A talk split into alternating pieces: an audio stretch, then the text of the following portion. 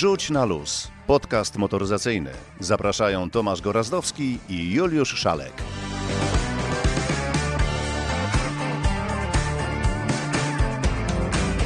Wrzuć na luz odcinek piąty. Dzień dobry, dobry wieczór, w końcu nie wiadomo kiedy to pójdzie. Tomasz Gorazdowski. Juliusz Szalek. Witamy i co? Od razu, żeby nie tracić czasu, przechodzimy do spraw najważniejszych, tych dziejących się w kraju i na świecie. Co ciekawego w świecie moto? Julek, dzisiaj przygotowałeś potężną paczkę, w związku z tym znowu będę musiał cię y, hamować, wziąć na luz. O właśnie, wrzuć na luz i wyhamuj za jakiś czas. Ale od czegoś musimy zacząć. No to start. Zaczynamy od Szanghaju, bo pojawiły się targi w Szanghaju, jesteśmy wygłodniali wszelkiego rodzaju imprez motoryzacyjnych, więc Szanghaj jako jedne z pierwszych y, targów otworzył swoje podwoje przed dziennikarzami i przed publicznością i otóż wśród wielu naprawdę ciekawych samochodów głównie na rynek y, chiński, pojawiły się też samochody, które mogą nas zainteresować. Wiesz, że już nie będzie Forda Mondeo? Wiem, mówiliśmy, że jest planowana zamiana, ale chyba nie do końca tak jest, jak mówiliśmy, bo ten samochód, co miał być następcą Mondeo, może i będzie, ale tylko i wyłącznie w Chinach. No właśnie, pojawił się nowy model, model Evos, który jest takim większym, można powiedzieć, Fordem Mach-E, czyli ni to SUV, ni to crossover, ni to nie wiadomo co. W każdym bądź razie, wiesz co jest najciekawsze w tym samochodzie? Bo to faktycznie taki samochód, który pomyślany jest, zbudowany y, z myślą o rynku chińskim, dlatego nie wiadomo w sumie jeszcze jaki będzie miał napęd, czy elektryczny, czy hybrydowy, różnie się mówi, ale najważniejsze co jest w tym samochodzie? wyświetlacz w środku na desce rozdzielczej. Czy wiesz, jakiej wielkości może być taki wyświetlacz w samochodzie? 28 cali. No kurczę, 27. Ostatnio mnie tu zaskoczyłeś tym EQS-em. Tam doczytałem, y, że wyświetlacze są trzy o przekątnej 12,3 cala i tworzą prawie 1,5 metrowy jeden wielki ekran, co jest oczywiście bzdurą, bo to są trzy oddzielne ekrany, tak naprawdę. Ale zapewne, tak jak w komputerach, kiedyś będzie można je połączyć i puścić sobie Dirty Dancing Kiedyś, na kiedyś. półtora metrowym wyświetlaczu. w Kiedyś, samochodzie. kiedyś. Urocza dama obok. W Oglądasz. Szanghaju, słuchaj, w Szanghaju... do kina samochodowego. Pięknie muzyka mruczy. Tych 17 głośników, a dzisiaj o głośnikach też u nas będzie. Będzie mruczeć delikatny masaż fotela. Żyć nie umierać. Ja tam wracam na ziemię i w Szanghaju pokazano także Nissana, X-Traila i to jest ważny samochód z punktu widzenia polskiego rynku. I znowu mamy kłopocik, bo nowy X-Trail jest taką amerykańską wersją tego samochodu, która już jest na rynku od ubiegłego roku, ale do Europy ten samochód przyjedzie w przyszłym roku. Czyli nie wiem dlaczego Nissan zapatrzył się tutaj na to, jak robi to Ford. Kiedyś taka sama była sytuacja na przykład z tym właśnie wspomnianym Mondeo. Też auto zadebiutowało na rynku amerykańskim, a dopiero po dwóch latach pojawiło się w Europie. Nowy Nissan X-Trail będzie, ale w przyszłym roku. Znacznie ciekawszą z naszego punktu widzenia e, premierą jest BMW, bo BMW pokazało M3 i M4 w wersji Competition. Tak, ale już gdzieś przeczytałem, że najważniejsze, że będzie można ciągle bokiem jeździć. Będzie można bokiem y, jeździć, chociaż w pierwszej, e, w pierwszej takiej myśli można powiedzieć, Jezus Maria, BMW zrobiło z M-ki czteronapędowy samochód, bo debiutuje w tym samochodzie, w tej odmianie auta, napęd X-Drive, ale uspokajam wszystkich, ten X-Drive będzie można wyłączyć kompletnie, całkowicie. No, ale jeżeli mamy już w BMW napęd na przód, mamy napęd na tył, mamy napęd, jaki sobie tylko życzymy, no to co w tym dziwnego? No nic dziwnego, y, to, że taka kultowa M3 z napędem na tył zamiata bokami oczywiście, ale niekultowa jeszcze M3 z napędem X-Drive, czyli z napędem na cztery koła, jest szybsza o pół sekundy od tej tylno-napędowej. Tutaj już przechodzę do rynku polskiego. Nie wiem, czy wiesz, ale będzie nowy Mercedes. Ty opowiadałeś w zeszłym tygodniu o EQS-ie, a ja ci powiem, że będzie Mercedes EQT. Zbliżamy się nieuchronnie do tej granicy, w której mało kto będzie w stanie odróżnić, co jest czym. A Mercedes i tak trzeba powiedzieć yy, szczerze, że wiódł prym wśród dziwnych nazw, yy, także mało kto się w tym łapał. No a teraz będzie, rozumiem, jeszcze trudniej. Słuchajcie, Mercedes EQT to nic innego jak Renault Kangoo, bo od 2012 roku Renault i Mercedes wspólnie tworzą właśnie tego rodzaju samochód. W Mercedesie on się nazywał Citan. I właśnie bazą do elektrycznego Mercedesa EQT będzie Kangoo E-Tech, który już jest i Renault go sprzedaje z powodzeniem, mimo że ma zasięg tylko 265 km. Ale i na to jest metoda, bo czytałem, że Francuzi swoje niektóre modele samochodów takich dostawczych doczepiają do nich taką małą przyczepkę z akumulatorami, co wydłuża zasięg takiego dostawczaka do 500 km. Francuzi mają naprawdę niesamowite pomysły. I od razu przechodzę, bo miałem powiedzieć jeszcze o Renault Arcanie, które debiutuje na naszym rynku, ale to może nieco później.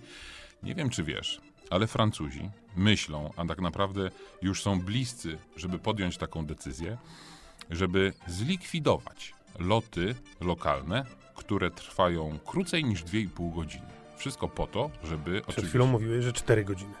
na początku ten pomysł zakładał loty krótsze niż 4 godziny, ale finalnie projekt, który został przyjęty, mówi o lotach 2,5 godzinnych. Jeśli premier Morawiecki wziąłby przykład z Francji i pogadał z Macronem, mógłby zakazać takich lotów również i w Polsce. Bo żaden lot by się na to nie załapał. Bo Francja to duży kraj, a Polska nie. Więc tam, na przykład lecąc z Nicei gdzieś tam na północ, to faktycznie ten lot trwa dłużej niż 2,5 godziny, a u nas wszystkie są krótsze. Wszystko ma zmierzać do tego, żeby było jeszcze bardziej ekologicznie. Żeby kierowcy, znaczy właśnie, żeby nie kierowcy, tylko żeby pasażerowie Furmanką? przesiedli się na pociągi. A ja myślę, że zamiast na pociąg, to wszyscy wsiądą do samochodów i wyrówna się ślad węglowy tych wszystkich pojazdów. A mnie się pomysł podoba. To nie, to nie jest głupie, tym bardziej, że jadąc na lotnisko odpowiednio wcześnie, z wyprzedzeniem, kontrole paszportowe, cu, znaczy paszportowe nie, ale kontrole, no, y, kontrola bagażu i tak dalej, i tak dalej, w sumie na krótkich dystansach nie opłaca się latać samolotem, mimo że samolot lata szybciej. Jak Ale wygodniej. na dodatek jeszcze weź sobie pod uwagę to, że Francja dysponuje jednak odpowiednią siecią kolei, dość szybkich, Mogę coś o bezpieczeństwie? Skoro musisz, Muszę, bo to jest naprawdę ciekawa historia, yy, bo otóż yy, poduszki yy, powietrzne są w samochodach już naprawdę wszędzie, są już nawet centralne poduszki, oprócz tych kolanowych, oprócz kurtyn bocznych i tak dalej. A teraz firma ZF pracuje nad koncepcją poduszki zewnętrznej. W Volvo kiedyś taka poduszka była, nie wiem czy pamiętasz. No tak, właśnie chciałem zauważyć, że to nie nowość. Są takie poduszki nie tylko w samochodach, ale również dla motocyklistów przecież. No Również. właśnie, dla motocyklistów tak, może Bary coś więcej o tym powie, ale Volvo tak trochę rakiem i cicho wycofało się z tej poduszki, która miała chronić właśnie, nie wiem, rowerzystę albo pieszego.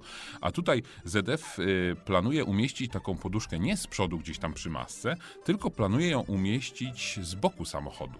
Czyli y, brany jest pod uwagę najtragiczniejszy w skutkach rodzaj wypadku, czyli uderzenie po prostu w słupek B w drzwi. No jestem ciekaw po prostu, czy taka poduszka kiedyś faktycznie będzie no, standardowym wyposażeniem każdego auta. Będzie, bo jeżeli coś prowadzi do tego, żeby coś było bardziej bezpieczne, to ten nasz świat w tą stronę zmierza, mimo że jest mnóstwo absurdów, y, rzeczy wzajemnie się wykluczających, kretyńskich pomysłów, kretyńskich ograniczeń, nakazów i zakazów, to jednak jak popatrzysz na historię motoryzacji, rozwój tego wszystkiego, w którą to stronę idzie, to jednak ma być coraz bezpieczniej, coraz bardziej ekologicznie Mniej emocji, i coraz wolniej. wolniej 160, może maksymalnie 180, ale świat się skończy, jak Niemcy naprawdę wprowadzą ograniczenia na swoich autostradach. O jednej jeszcze ważnej rzeczy musimy powiedzieć, a w zasadzie o dwóch. Chociaż wiem, że mi nie pozwalasz. Pierwsza krótka rzecz, Ken Block wyprzedaje swoją kolekcję. więc- Nareszcie coś ciekawego. No właśnie, więc jeśli chciałbyś kupić Co tam w garażach? jakąś fiestę, bo w sumie tylko dwie fiesty zostały, bo już e, Sprzedał wszystko, tak? niektóre auta zostały sprzedane, to jest do kupienia Fiesta STRX 43 i Fiesta Jim 3. Ale to mnie trochę rozczarowałeś, szczerze mówiąc. Liczyłeś na tego Mustanga. No na parę samochodów liczyłem, że Ken w garażu ma, a skoro je wyprzedaje, to, to będzie kilka jakichś ciekawych pozycji. No, Fiesta, Mała, ale zadziorna. Widziałeś te Jimkany, które robił Fiestą? no widziałem, widziałem, No trzeba umieć. No. A trzeba umieć. A my tutaj przy naszym studiu mamy nieasfaltową drogę, więc jak tutaj tą Jimkanę robić? I druga ważna rzecz. Ogłoszono laureatów konkursu Światowy Samochód Roku. Tych konkursów trochę jest, a w zasadzie są dwa takie duże. Jest ten Światowy Samochód Roku I europejski. i europejski, dokładnie. No i mm, e, no w sumie nie wiem, czy się cieszyć, czy nie. Wiesz, co zostało światowym. Wiem. No właśnie. ID4. Czyli taki większy ID3. No, czy się cieszyć, czy nie? No, Ale samochód, nie wzbudza to emocji naszych. Ale nie zawsze musi emocje wzbudzać. Pamiętaj, że y, rozmawialiśmy kiedyś z jurorami tego konkursu, którzy tłumaczyli nam, że emocje to jest tylko jeden z y, parametrów branych pod uwagę, a y, nowatorskie rozwiązania, nowoczesne rozwiązania, bezpieczeństwo, wygląd, design, wszystko to się składa na sumę punktów. W związku z tym wcale mnie to nie dziwi, że samochód, który nie zachwyca i z powodu którego nie robimy wow, Wygrywa. To prawda, ja mam tylko jeden kłopot, bo ten konkurs organizowany jest cyklicznie co roku i w zeszłym roku przecież premierę miał ID3, a to jest ten sam samochód tak naprawdę, ta sama platforma, te same napędy, no inna jedynie karoseria. No, właśnie, zapadła właśnie. cisza i... Skoro, skoro zapadła cisza, to jeszcze dodam, że oprócz oczywiście e, tytułu samochodu, światowego samochodu roku, przyznano także nagrodę w kategorii samochód miejski i tutaj wygrała elektryczna Honda E, która wzbudza już większe emocje, bo jest zdecydowanie no taka w formie nowocześniejsza. Jest światowy samochód luksusowy i tutaj wygrał Mercedes klasy S. Nie ma niespodzianki i zaskoczenia. Światowy samochód sportowy, zgadniesz? Porsche 911. I jeszcze jest jedna kategoria. World, Sportowa, luksusowa. nie, World Car Design of the Year. I tutaj wybrano Land Rovera Defendera. No, odważnie. Odważnie. I tu faktycznie, jeśli chodzi o design, no to nowy Defender y, robi robotę.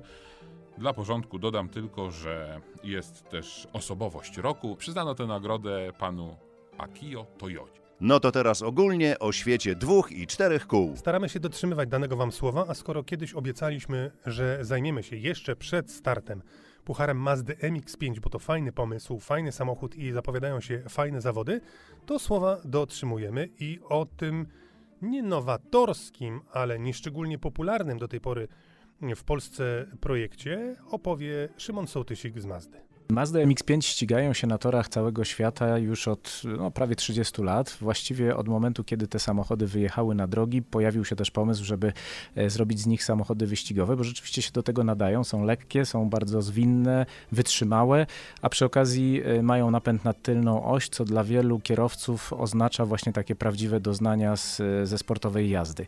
E, I od tych kilku dekad rzeczywiście Mazda MX-5 ścigają się po torach w różnych rejonach świata. Między innymi w tej chwili także taki e, puchar jest organizowany na terenie Beneluxu, także w Stanach Zjednoczonych, kiedyś Wielka Brytania.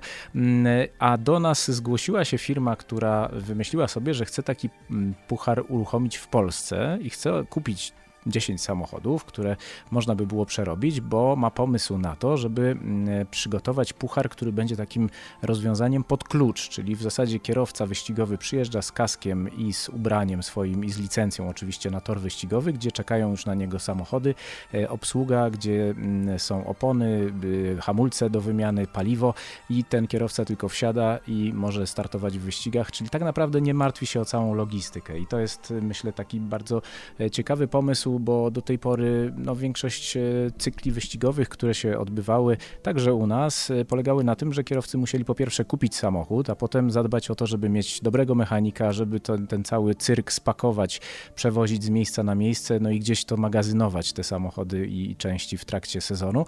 No a tutaj pomysł jest taki, że wszystko jest gotowe, czeka na torze i właściwie tylko wsiadać, jechać. Rywalizacja pomiędzy kierowcami jest bardziej wymierna, bo wiadomo wszyscy czym jeżdżą. Dla kogo jest ten puchar? No właśnie, to tutaj y, nie można swoim samochodem przyjechać i się ścigać. Samochody są przygotowane według specyfikacji pucharowej. Właśnie puchar ma to do siebie, że wszystkie auta są identyczne i mm, to, że będą w rękach y, mm, organizatora oznacza, że y, ich specyfikacje będą identyczne, więc nie ma tutaj mowy o tym, że ktoś coś przerobi pod siebie i będzie potem mógł z tego skorzystać i jakąś przewagę uzyskać, tylko po prostu te samochody zachowują te same parametry.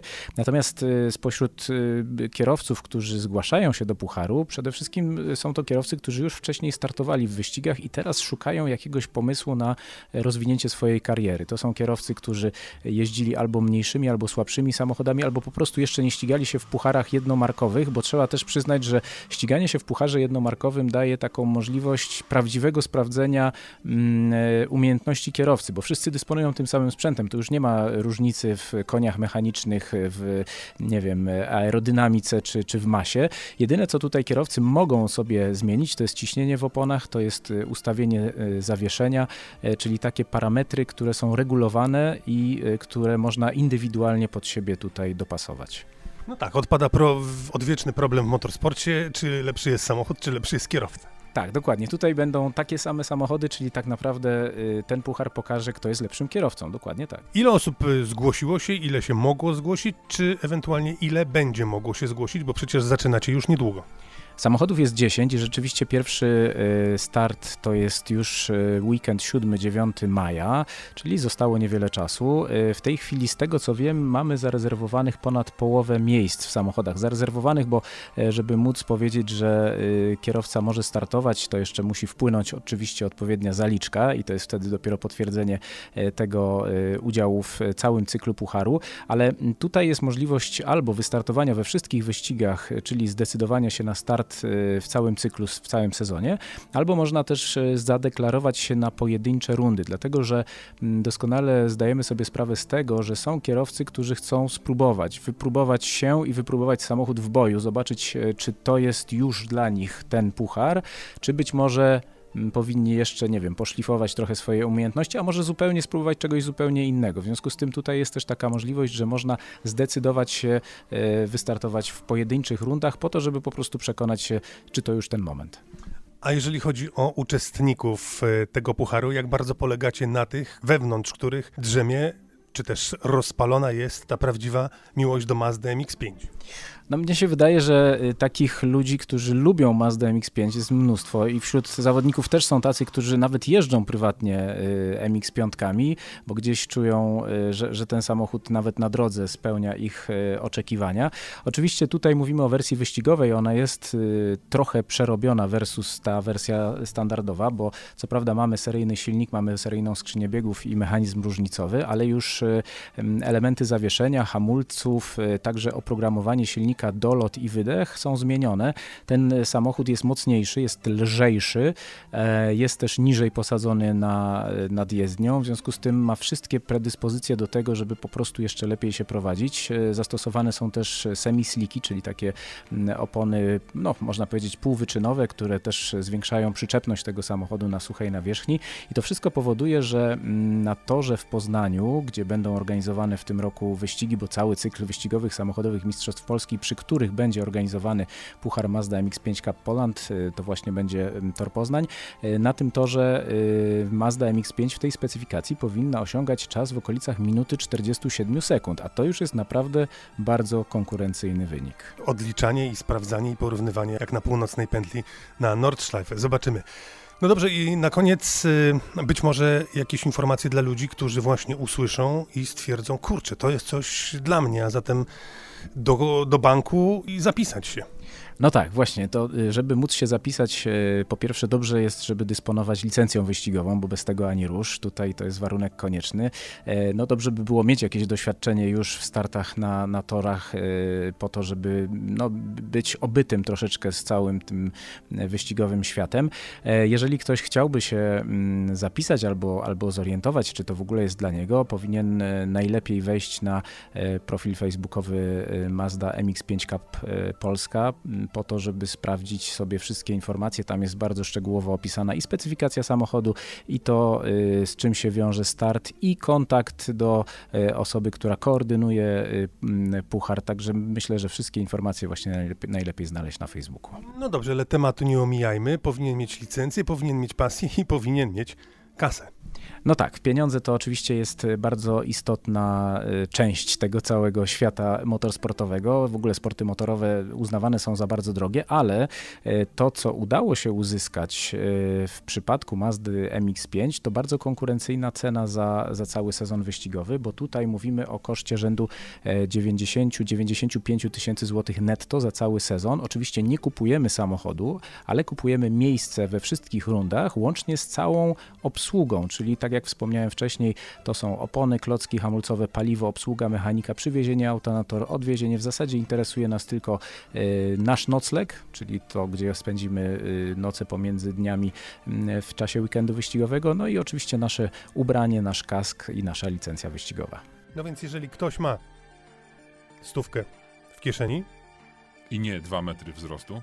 Otóż dwa metry nie okażą się yy, przeszkodą.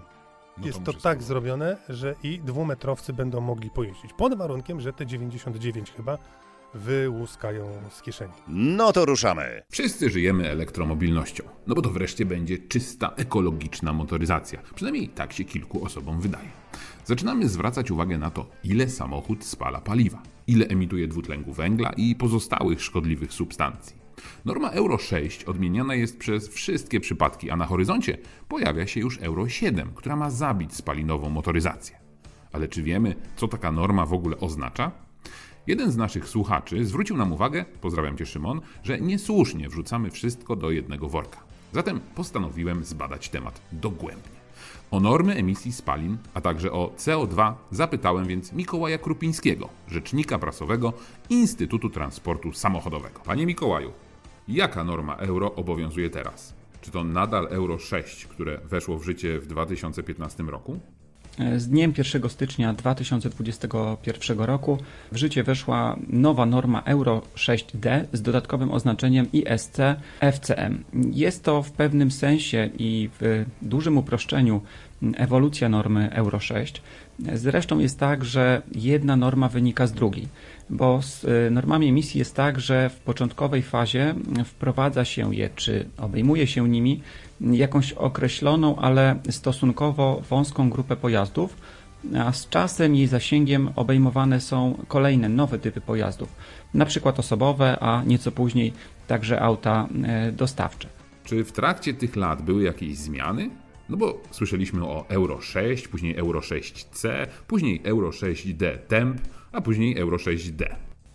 Owszem, y, istnieje cała tabela dotycząca zmian i wymogów, które y, producenci muszą spełniać dla różnych nowych typów pojazdów, przy czym te wymagania zostały określone w czasie. To znaczy one nie wchodzą, nie pojawiają się z dnia na, z dnia na dzień, ale z odpowiednio dużym, nawet kilkuletnim wyprzedzeniem, a rolą producentów jest tak dostosować kolejne nowe modele aut, by ta pula spełniała oczywiście określone wymagania.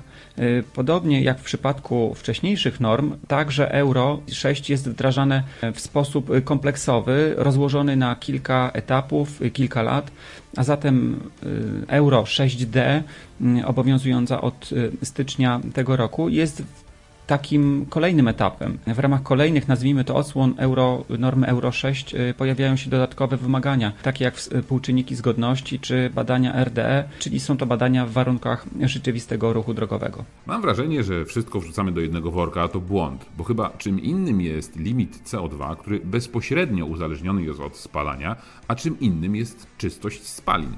Zatem jakie parametry określa norma euro? Y, Zgadza się. Normy emisji zanieczyszczeń euro nie limitują emisji dwutlenku węgla, ponieważ CO2 nie jest zanieczyszczeniem, nie jest polutantem.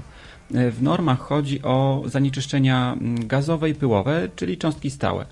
Natomiast normy emisji określają dopuszczalne wartości emisji spalin, na które składa się e, wspomniana emisja tlenków azotu, e, węglowodorów, tlenków węgla, pyłów, cząstek stałych i to te elementy są przedmiotem normy. W takim razie skąd wzięła się walka o niskie CO2? Został ten parametr wprowadzony niezależnie od normy euro? Tak, ale wynika to z innych przepisów, a te z kolei nie są częścią przepisów dotyczących norm emisji euro. A czy ta sama norma dotyczy silników benzynowych i diesla? A co z hybrydami? W końcu tam też pracuje silnik spalinowy. Mówiąc bardzo obrazowo, może nawet zbyt bardzo obrazowo, norma euro nie dotyczy tego, co wylatuje wprost z rury wydechowej e, konkretnego nowego e, pojedynczego samochodu.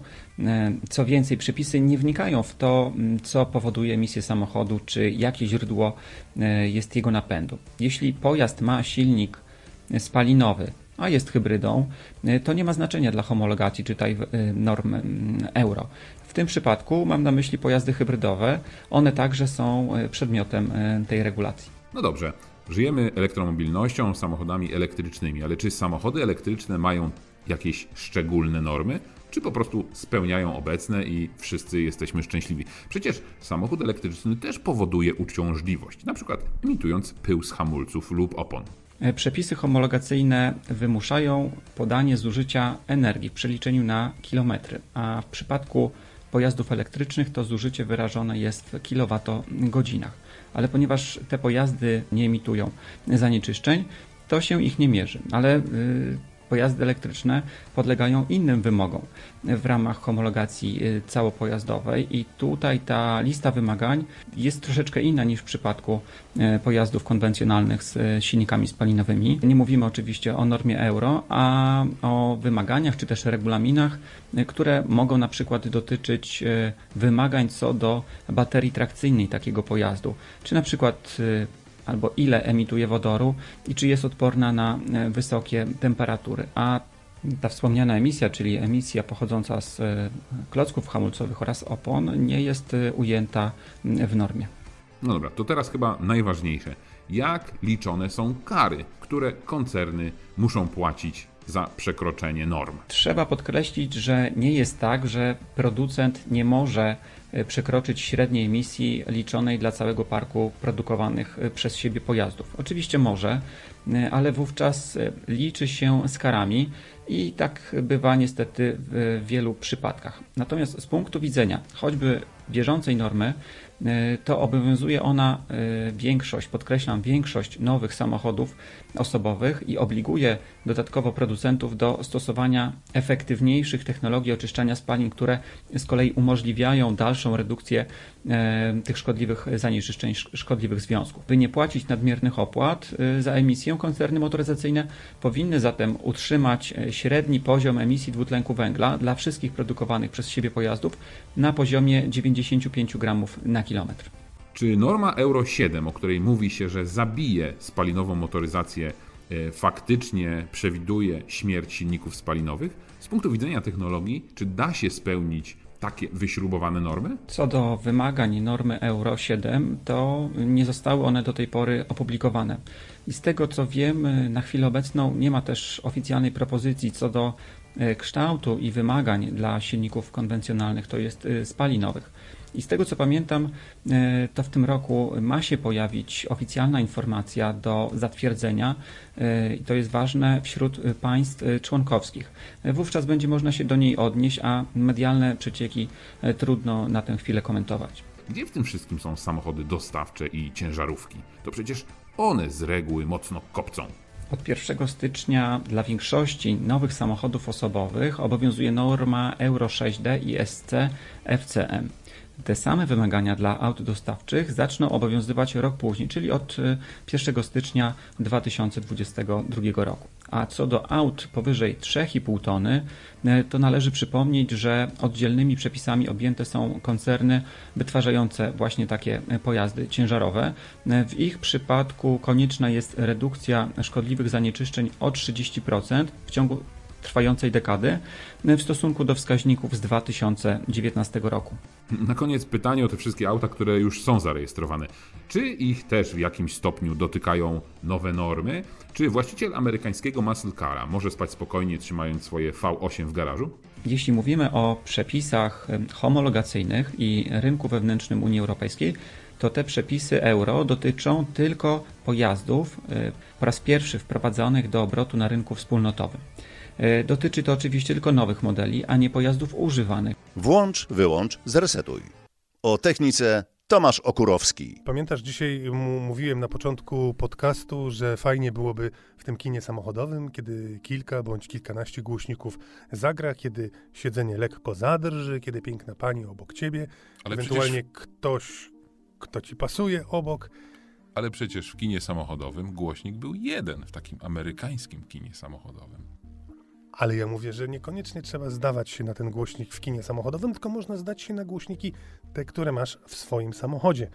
Żeby na przykład towarzyszce bądź towarzyszowi zaproponować coś swojego. A jak z tymi głośnikami może być, o tym opowie Tomasz Okurowski. Ile może być głośników w samochodzie? Dla mnie liczba głośników w samochodzie dobrze oddaje to, jak dany producent auta traktuje dany model samochodu i tak na dobrą sprawę właściwie jak traktuje potencjalnych nabywców. To ile może być tych głośników w samochodzie? No cóż, zacznijmy od tego, że tych głośników może nie być wcale. Otóż zdarzają się wciąż samochody, szczególnie na rynku aut dostawczych, ale nie tylko. Zdarzają się także samochody osobowe, w których nie znajdziemy ani jednego głośnika. Zwykle jest to segment samochodów miejskich, jeżeli chodzi o auta osobowe, A w konfiguratorze możemy wówczas znaleźć lub w cenniku taką dość charakterystyczną pozycję, jak na przykład dopłata do instalacji radiowej i głośnikowej. Zamawiając samochód, trzeba będzie jeszcze dopłacać za to, żeby w ogóle coś w nim mogło zagrać. Jako takie absolutne minimum zazwyczaj traktuje się dwa głośniki. Dwa nisko umieszczone głośniki w drzwiach to zwykle znajdziemy w samochodach z segmentu A, czyli właśnie takich miejskich, czy ewentualnie takich prawdziwych maluchów, lub ewentualnie także w autach dostawczych to jest takie minimum, jakie w tej chwili mogą nam zaoferować producenci samochodów. Oczywiście ta para głośników to jest dosyć marny środek na to, żeby dobrze nagłośnić kabinę. Będziemy mieli wówczas wrażenie, że dźwięk dobiega przede wszystkim gdzieś tam z okolic nóg. Zważywszy na to, że ta para głośników to zazwyczaj są modele szerokopasmowe, to wówczas e, zwykle słuchacze mogą narzekać na to, że przede wszystkim brakuje nam wysokich tonów, co zwykle oznacza tyle, że gorzej będzie nam zrozumieć, co ma chociażby do przekazania prowadzący audycję radiową, czy ewentualnie nasz rozmówca, jeżeli korzystamy z wbudowanego zestawu głośno mówiącego Bluetooth. Cztery głośniki. To wciąż jest takie minimum. Dalej przykład tego, że producent oszczędza na tyle, na ile jest to możliwe, bo zwykle te cztery głośniki to nic innego jak modele, które są umieszczone w drzwiach, przednich jak i tylnych, lub ewentualnie w przypadku, jeżeli to jest na przykład samochód trzydrzwiowy, to gdzieś tam nisko w boczku, gdzie zwykle trzymamy łokieć. To jest w dalszym ciągu niewiele. Dalej będziemy narzekać na to, że tych tonów wysokich będzie niewiele i co gorsza, wciąż ten dźwięk będzie docierał do naszych uszu tak trochę nisko z naszych nóg. Nie jest to jakoś tam szczególnie przyjemne i komfortowe do słuchania. Minimum przyzwoitości w obecnym świecie to jest przynajmniej 6 głośników. W praktyce to oznacza tyle, że oprócz tych czterech głośników w drzwiach, we wszystkich drzwiach samochodu, znajdziemy jeszcze parę głośników wysokotonowych. Najczęściej one są umieszczone albo wysoko w drzwiach, zazwyczaj w okolicach e, lusterek bocznych, lub ewentualnie na słupku czy desce rozdzielczej. Dlaczego te sześć głośników jest traktowane jako minimum przyzwoitości? Ano dlatego, że ta obecność dodatkowych głośników wysokotonowych daje nam przede wszystkim taką bardzo przyjemną scenę dźwiękową na desce rozdzielczej, to po pierwsze dużo lepiej usłyszymy mm, wszelkie audycje. No, muzyka wydaje się nam wówczas znacznie przyjemniejsza dla naszych uszu. Już nie wspominając o tym, że rozmówca, z którym prowadzimy konwersację poprzez zestaw głośno mówiący, także wydaje nam się taki bardziej zrozumiały. Jego głos jest taki zdecydowanie bardziej klarowny.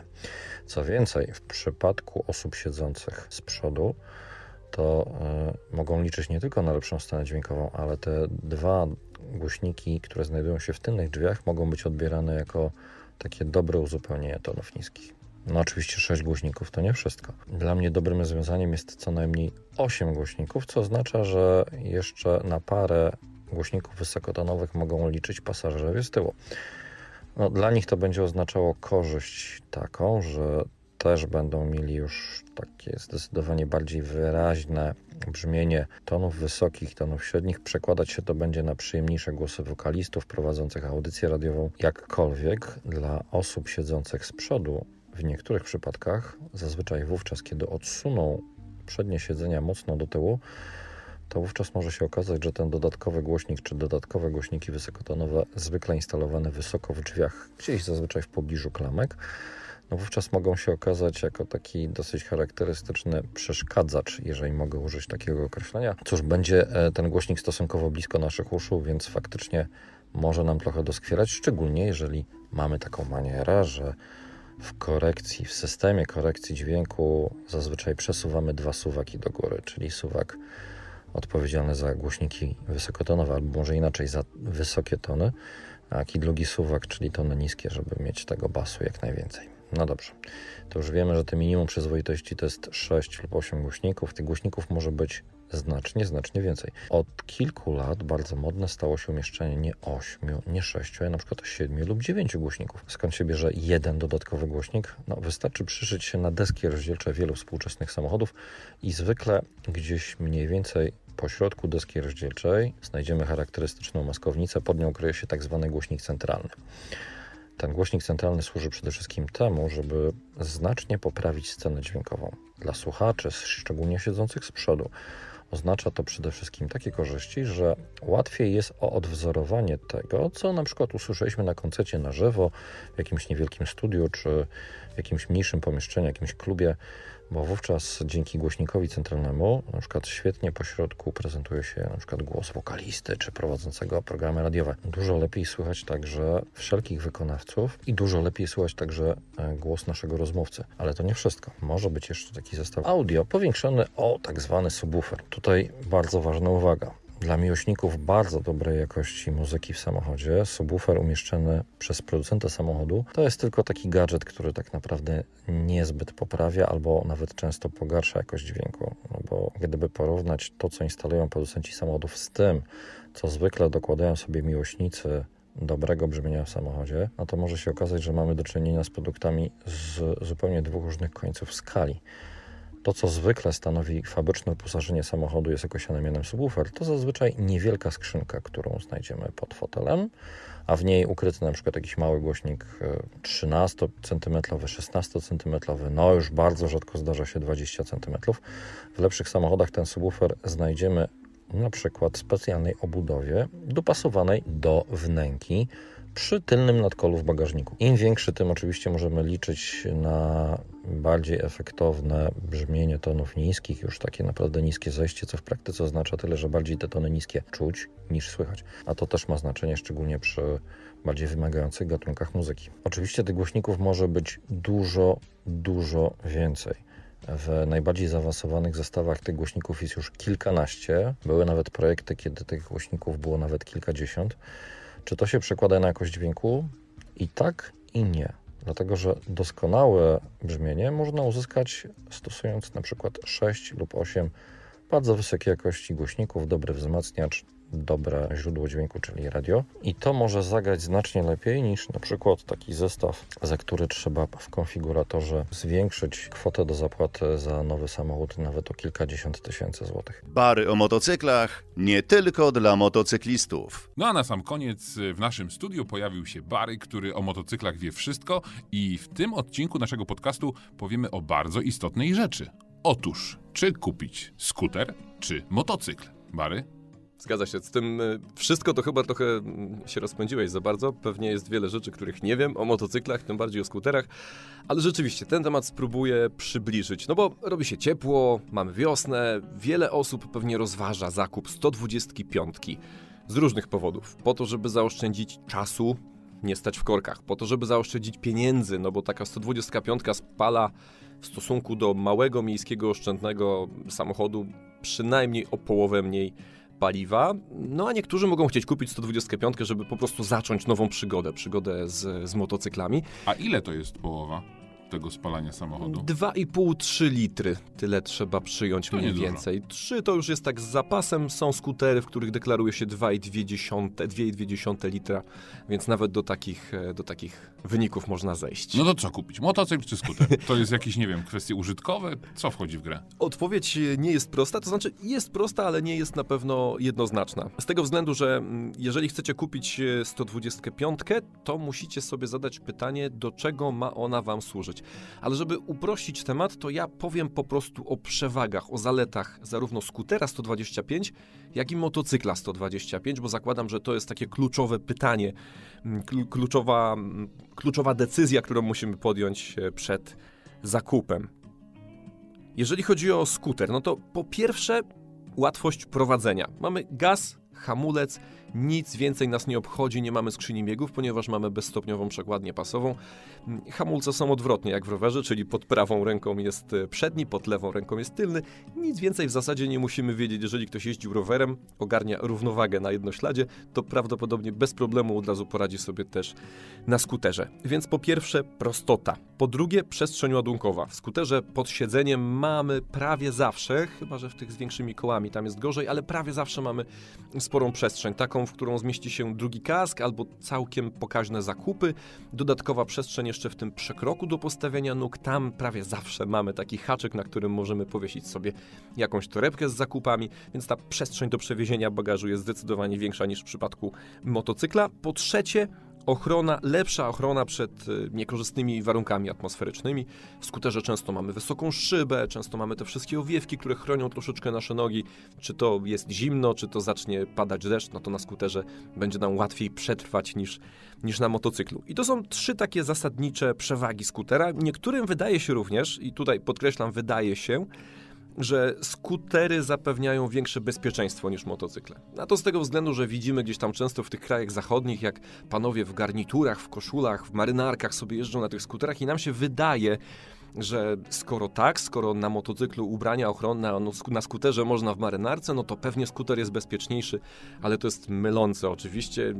Nie ma to żadnego związku. Na skuterze, tak samo jak i na motocyklu, jak się przewrócimy i nie mamy odpowiedniej kurtki, odpowiednich spodni, no to możemy się po prostu poobdzierać i zrobić sobie krzywdę. No i to by było tyle, jeżeli chodzi o te przewagi skutera. A przewagi motocykla? Przewag motocykla, mm, wydaje mi się, że jestem w stanie wymienić troszeczkę więcej niż skutera. Mm, zacząłbym od tego, że po pierwsze jest inna pozycja. Na motocyklu lepiej czujemy ten pojazd. Obejmujemy nogami, kolanami, trzymamy zbiornik paliwa, więc lepiej go czujemy i to prowadzenie jest bardziej naturalne. Przynajmniej takie jest moje wrażenie. Po drugie, w motocyklu mamy na ogół większe koła, a większe koła lepiej sobie radzą z nierównościami, bo po prostu się, po nich e, przetaczają i lepiej poradzą sobie również na drodze gruntowej. Jak gdzieś tam będzie trzeba troszeczkę dojechać po jakimś piasku, no to maleńkie kołeczka skutera mogą już tam grzęznąć w tym piachu i może być rzeczywiście e, problem. E, po trzecie, mniejsza masa nieroztorowana w motocyklu w stosunku do skutera, więc tu znów mamy to fajniejsze prowadzenie. Co po czwarte, no, na ogół również nieco więcej mocy i nieco mniej masy. To nie są duże różnice. Skutery mają 10-12 koni mechanicznych, motocykle często mają te maksymalne 15. Mówię maksymalne, bo to jest taka wartość, e, żeby się załapać na to, żeby jeździć 125 na samochodowe prawo jazdy, stąd to 15 koni mechanicznych. Natomiast w skuterze jest bezstopniowa przykładnia, więc istnieje duża szansa, że jak będziemy się ścigać z motocyklem, też 125, to jednak skuter szybciej wystartuje, na pierwszych metrach będzie pierwszy, a później motocykl go doścignie i wyprzedzi. Te maksymalne prędkości są podobne. Od 90 do 110-120 km na godzinę no nie wiem, być może motocykle na ogół są troszeczkę szybsze, w skuterze są te pewne straty na przeniesieniu napędu, bo tam przekładnia bezstopniowa mm, CVT. Co więcej, co jeszcze z zalet motocykla? No, w razie wywrotki mm, w motocyklu na ogół mamy troszeczkę mniejsze straty niż w skuterze, bo w skuterze jest dużo plastików, w motocyklu pęknie jakaś tam klamka hamulca, jakaś ma jakieś małe zarysowania, natomiast w skuterze zdarzy się, że te plastiki nam popękają. Troszeczkę większe koszty naprawdę. Jeżeli chodzi o koszty serwisu, to są podobne w przypadku skutera i motocykla. W motocyklu raz na kiedyś trzeba wymienić napęd, ale w skuterze znowu pasek w przekładni e, pasowej, więc te koszty wychodzą mniej więcej e, porównywalne. Ostatnia taka zaleta, jeżeli chodzi o motocykl, jaka przychodzi mi do głowy, to no, uczymy się jeździć motocyklem, to znaczy uczymy się tego obycia ze sprzęgłem, ze skrzynią biegów, więc jeżeli przesiądziemy się w przyszłości ze 125 na coś większego i będzie to motocykl, no to już wcześniej nauczymy się jeździć motocyklem. No ale równie dobrze możemy przesiąść się na coś większego, co jest większym skuterem. Tak, oczywiście, oczywiście. Bo wydaje mi się, że niezaprzeczalnym plusem skutera i ja zastanawiając się, od tego bym zaczął, to jest brak skrzyni biegów, brak sprzęgła i to, że można się w znacznie większej mierze skupić tylko i wyłącznie na drodze. Zgadza się, maksymalna prostota, tylko sterujemy, dodajemy gazu, hamujemy, skrzynia biegów nas nie obchodzi, to prawda. Tak jak wspomniałeś, możemy się ze skutera 120 przesiąść na większy skuter, na przykład na 400, na 600, bo takie skutery również mamy. Były nawet jeszcze większe, ale to temat na osobną rozmowę. No tak, jeżeli chcemy jeździć zawsze skuterem, to ok. Natomiast y, ja osobiście na dłuższe trasy wolę jednak mimo wszystko motocykl, kiedy robi się ślisko, kiedy jeżdżę po zakrętach. Tam już, tak jak powiedziałem, lepiej czuję to podwozie.